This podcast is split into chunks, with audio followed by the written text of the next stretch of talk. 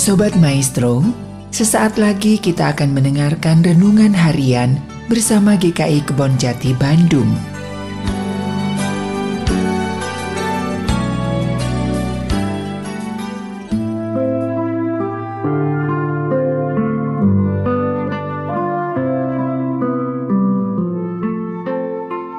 Selamat bertemu kembali dengan saya Pendeta Daud Solihin dari GKI Kebon Jati.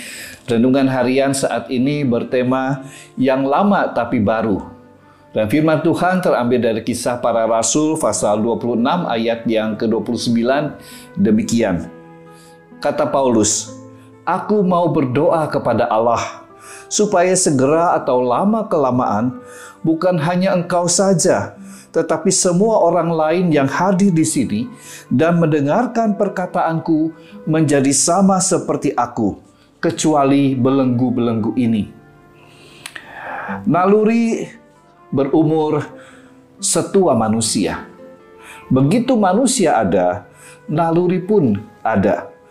Memang harus terjadi perubahan semakin modern dan beradab manusia, naluri tidak dibiarkan telanjang melainkan diberi pakaian agar tampak semakin sopan.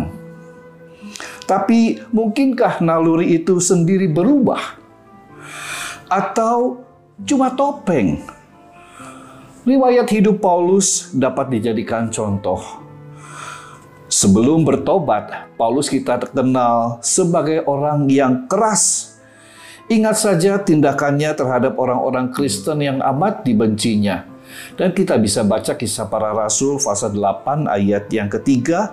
Di sana dikatakan, tetapi Saulus berusaha membinasakan jemaat itu dan dia memasuki rumah demi rumah dan menyeret laki-laki dan perempuan keluar dan menyerahkan mereka untuk dimasukkan ke dalam penjara.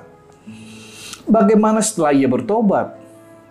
Ternyata tetap Paulus tetap menjadi orang yang keras juga. Tetapi ada yang berbeda. Kekerasannya itu disublimasikan, diarahkan kepada pemikiran dan tindakan yang sebaliknya, yaitu memberitakan Injil Kristus. Bahkan di depan Raja Agripa yang mengadilinya, semangat yang keras itu tidak berubah. Aku mau berdoa kepada Allah supaya segera atau lama-kelamaan bukan hanya engkau saja, tetapi semua orang lain seperti aku, kecuali belenggu-belenggu ini. Siapa yang berani berkata seperti itu kalau bukan orang yang keras seperti Paulus? Itu berarti yang lama telah menjadi baru. Tetapi yang baru itu pada dasarnya tetap yang lama juga. Bapak Ibu Saudara-saudara, tidak cuma orang Kristen yang percaya begitu. Seorang sadu atau pemimpin agama Hindu selalu membawa seekor singa yang jinak ke mana pun ia pergi. Bila ditanya, mengapa engkau membawa singa yang binatang buas itu, dan sepertinya jinak engkau tuntun ke mana-mana? Ia akan menjawab, untuk menunjukkan bahwa singa yang liar ini bisa berubah, apalagi manusia. Contoh ini terdengar mengesankan, namun kurang tepat. Mengapa? Sebab di tangan sang sadu, singa itu tidak bernaluri singa. Ia telah berubah menjadi seekor anjing pemalas yang berbentuk singa. Nah, Roh Kudus tidak mengubah naluri kita seperti itu. Bila Anda adalah seorang pemarah, Anda mungkin akan tetap menjadi seorang pemarah dan tidak harus menjadi orang lain.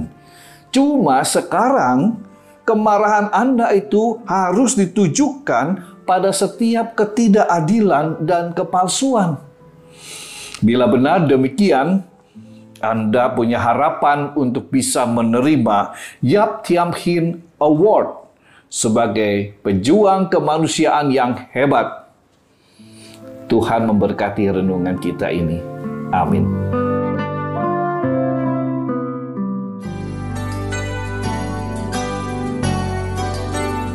Sobat Maestro, baru saja Anda mendengarkan renungan harian bersama GKI Kebon Jati Bandung. Tuhan Yesus memberkati.